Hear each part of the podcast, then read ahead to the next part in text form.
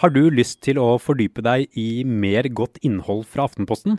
I magasinene Innsikt og Historie så får du dybde, analyse og gode historier. Denne uken kan du teste disse magasinene i én måned for bare én krone. Bestill på ap.no krone. Først trodde politiet at kona til en av Norges rikeste menn var bortført. Øst politidistrikt har i flere uker etterforsket en sak eh, der en kvinne har vært savnet eh, fra sitt hjem på Fjellhamar ved Lørenskog. Så, åtte måneder senere, mente de at Anne Elisabeth Hagen ble drept. Hovedhypotesen er derfor endret til at Anne Elisabeth Nå er ektemannen Tom Hagen pågrepet, siktet for drap eller medvirkning til drap på sin egen kone.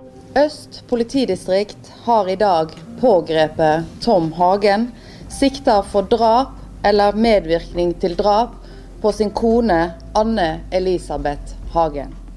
Du hører på Forklart fra Aftenposten. Jeg heter Andreas Bakke Foss. Det er onsdag 29. april.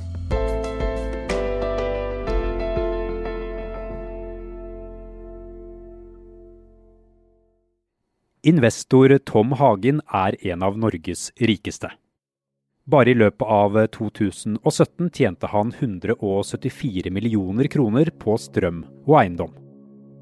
Han er kjent for å holde en lav profil og på ingen måte søke offentlig oppmerksomhet. Tom og Anne Elisabeth Hagen giftet seg i 1969. Og det er i deres felles hjem i Sloraveien 4 i Lørenskog at en av norgeshistoriens mest spektakulære krimsaker starter den 31. oktober 2018. Det er nå 18 måneder siden Anne Elisabeth Hagen ble meldt savna fra sitt hjem. 31. oktober er halloween. Ute er det skikkelig høstvær, det er fem grader og det regner. Rundt kvart over ni denne morgenen snakker Anne Elisabeth Hagen i telefonen med et familiemedlem, og dette er det siste sikre livstegnet fra henne. Senere samme dag forsvinner hun fra hjemmet sitt. Ektemannen Tom Hagen kommer hjem fra jobb rundt klokken ett. Han har forklart at han finner et brev med krav om løsepenger til en verdi av 88 millioner kroner. De skal betales i kryptovalutaen Monero. Brevet skal også inneholde en trussel om at dersom politiet blir kontaktet, ville Anne Elisabeth Hagen bli drept. En halvtime senere varsler Tom Hagen politiet, og de innleder en skjult etterforskning. Slik saken fremsto innledningsvis, var politiets hovedteori at vi sto overfor en bortføring med økonomisk motiv. Først den 9. januar i 2019 får offentligheten vite om saken. Øst politidistrikt har igangsatt en omfattende og bred etterforskning. Saken har vår høyeste prioritet. Vi står overfor en svært alvorlig sak og en svært krevende sak. Da har politiet jobbet med etterforskningen i ti uker. De har ikke funnet Anne Elisabeth Hagen, de har få spor i saken, og de står uten mistenkte. Vi ber om at de som skulle ha informasjon om dette, går inn på politiet.no slash tips. Senere kommer det frem at politiet fant strips og et fotavtrykk fra en sko som knyttes til gjerningspersonen i hjemmet til ekteparet Hagen. Politiet antok lenge at Anne Elisabeth Hagen kunne være i live. Men så, i juni i fjor, endret politiet plutselig fokus. Hovedhypotesen er derfor endret til at Anne Elisabeth Hagen er drept.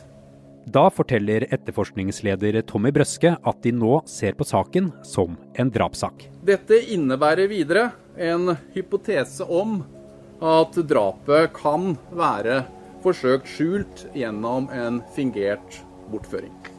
Denne dreiningen i etterforskningen opprørte Tom Hagens bistandsadvokat Svein Holden. Det er en forskjell, og i hvert fall de ordene som dere bruker nå, at politiet nærmest skal ha sagt at det har aldri vært snakk om en kidnapping, men et fingert drap.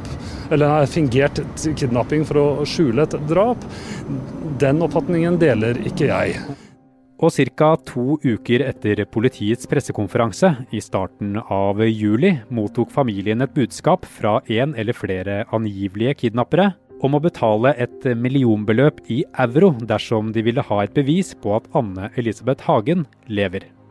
Og mandag 8. juli tok motparten kontakt med oss på nytt. Det er bistandsadvokat Svein Holden som kommer med denne nyheten på en pressekonferanse ikke politiet. Denne kontakten omhandler flere forhold. For det første så oppfatter vi henvendelsen som et klart og tydelig svar på budskap som vi formidlet til motparten i midten av mai. For det andre så sies det klart at Anne-Elisabeth Hagen lever. Men vi har ikke per dags dato mottatt et bevis for at det er riktig. I det skjulte skal politiet ha etterforsket Tom Hagen med inngripende overvåkingsmetoder. Og i går kom gjennombruddet i saken. Politiet er nå av den oppfatning at det ikke har skjedd en bortføring. Og at det derfor heller aldri har vært en reell forhandlingsmotpart eller en intensjon om reelle forhandlinger. Politiet mener med andre ord at saken bærer preg av en tydelig, planlagt villedning. Vi er straks tilbake.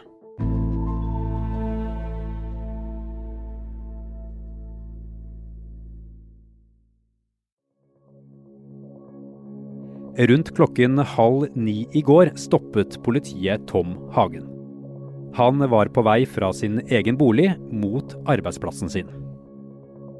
Veien ble sperret og trafikken stoppet.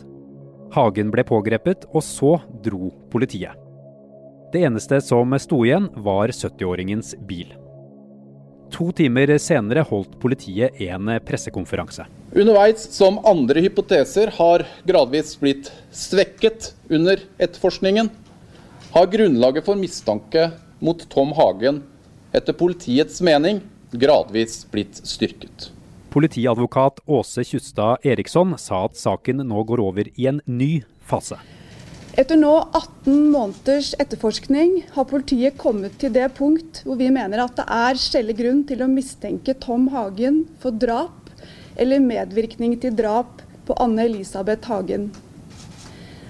Pågripelsen er et resultat av det samlede bevisbildet, slik saken nå fremstår. Harald Stolt-Nielsen, du er eh, journalist og har jobbet med denne saken for Aftenposten siden første dag. Hvorfor ble Tom Hagen pågrepet i går? Nå mener politiet at det er grunn til å tro at uh, Tom Hagen enten har drept uh, Anne-Elisabeth Hagen eller har medvirket til uh, drapet.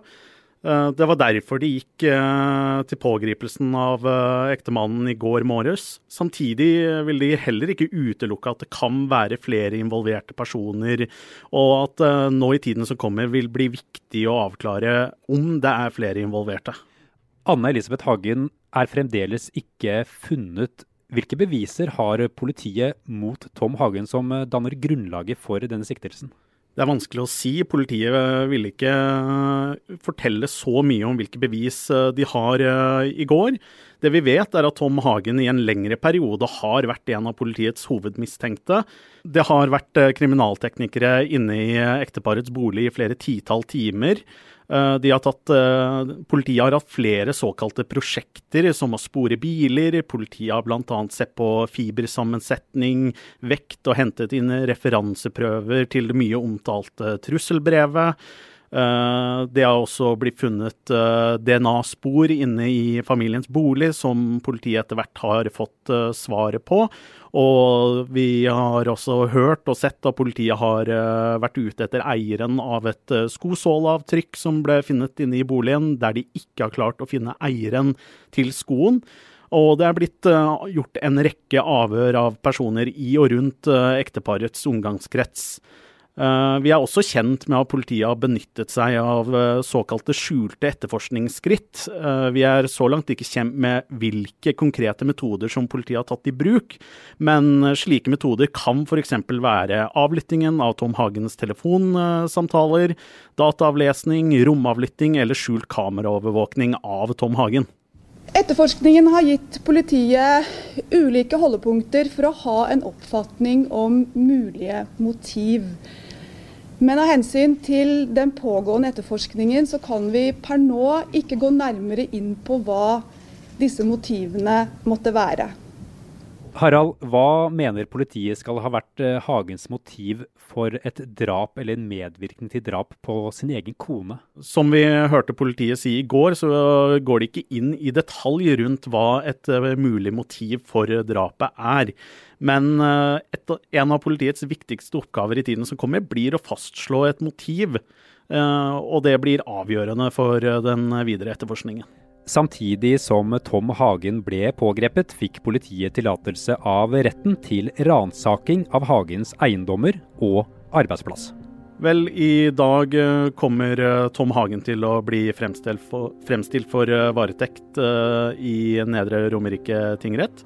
Der kommer politiet til å be om at Tom Hagen blir fengslet i de neste fire ukene. Og i tiden fremover så kommer politiet til å gå gjennom en rekke nye bevis. Denne siktelsen som kom i går, åpner verktøykassa for politiet. Uh, I går så vi at de ransaket både Tom Hagens bolig og arbeidsplass. Og vi kan anta at det er viktige spor eller mulige bevis som kan ligge skjult der. På vei inn til det første møtet med sin klient, nå som forsvarer, møtte Svein Holden pressen. Når ble du orientert om eh, pågripelsen og siktelsen? Eh, politiet ringte meg eh, rett etter den var foretatt. Hva tenkte du da? Det, mine personlige inntrykk skal vi legge til side nå. Det er ikke det som er det viktige. Så nå skal jeg fokusere på hvordan dette ser ut for min klient. Etter å ha møtt Tom Hagen på Lillestrøm politistasjon, opplyste Svein Holden at Hagen nekter straffskyld. Han mener han ikke har noe med dette å gjøre. Det er klart han er preget av situasjonen, det er det jo ingen tvil om. Det... På hvordan måte? Nei, Han syns jo dette er eh, svært eh, vanskelig å bli anklaget for noe han fastholder og at han ikke har noe med. De ti første ukene holdt politiet altså etterforskningen skjult for offentligheten. Det var fordi de mente saken kunne være en bortføring. Kun noen få, deriblant Aftenposten og noen andre medier, visste om hva som hadde skjedd. Politiet ba innstendig mediehusene om ikke å omtale at Anne Elisabeth Hagen var bortført. På gårsdagens pressekonferanse stilte kollega Hans Torgersen spørsmål til politiet om hva det har betydd for etterforskningen, slik saken står nå. Hvordan vurderer dere politiet i dag avgjørelsen om å holde saken skjult for offentligheten så lang tid som dere gjorde i innledningsfasen? Vi eh, Slik, slik eh, bevisene og saken så ut eh, innledningsvis, eh, så vurderte vi det da som den aller beste løsningen. Eh, I ettertid så kan det godt hende at eh, vi har gått glipp av både opplysninger og bevis eh, som enten har blitt borte eller har blitt svekket. Men slik situasjonen fremstod der og da, så var politiets valg at det var den beste måten å gjøre det på, i håp om å få Anne-Elisabeth Hagen tilbake i livet. Harald, hva betydde det for etterforskningen at eh, politiet holdt dette skjult for offentligheten de ti første ukene? Det la naturlig nok begrensninger på etterforskningen. En rekke naturlige etterforskningsskritt eh, som å gjøre søk i nærområdet, som å intervjue eller eh, gjøre avhør av en rekke personer, lot seg rett og slett ikke gjennomføre fordi politiet fryktet at de som da hevdet å ha Anne-Elisabeth Hagen, kunne drepe henne. Uh, Samtidig kan de også ha gått glipp av eh, viktige tips eller observasjoner fra personer i området, rett og slett fordi folk glemmer ting eh, når eh, tiden går og de ikke husker på det.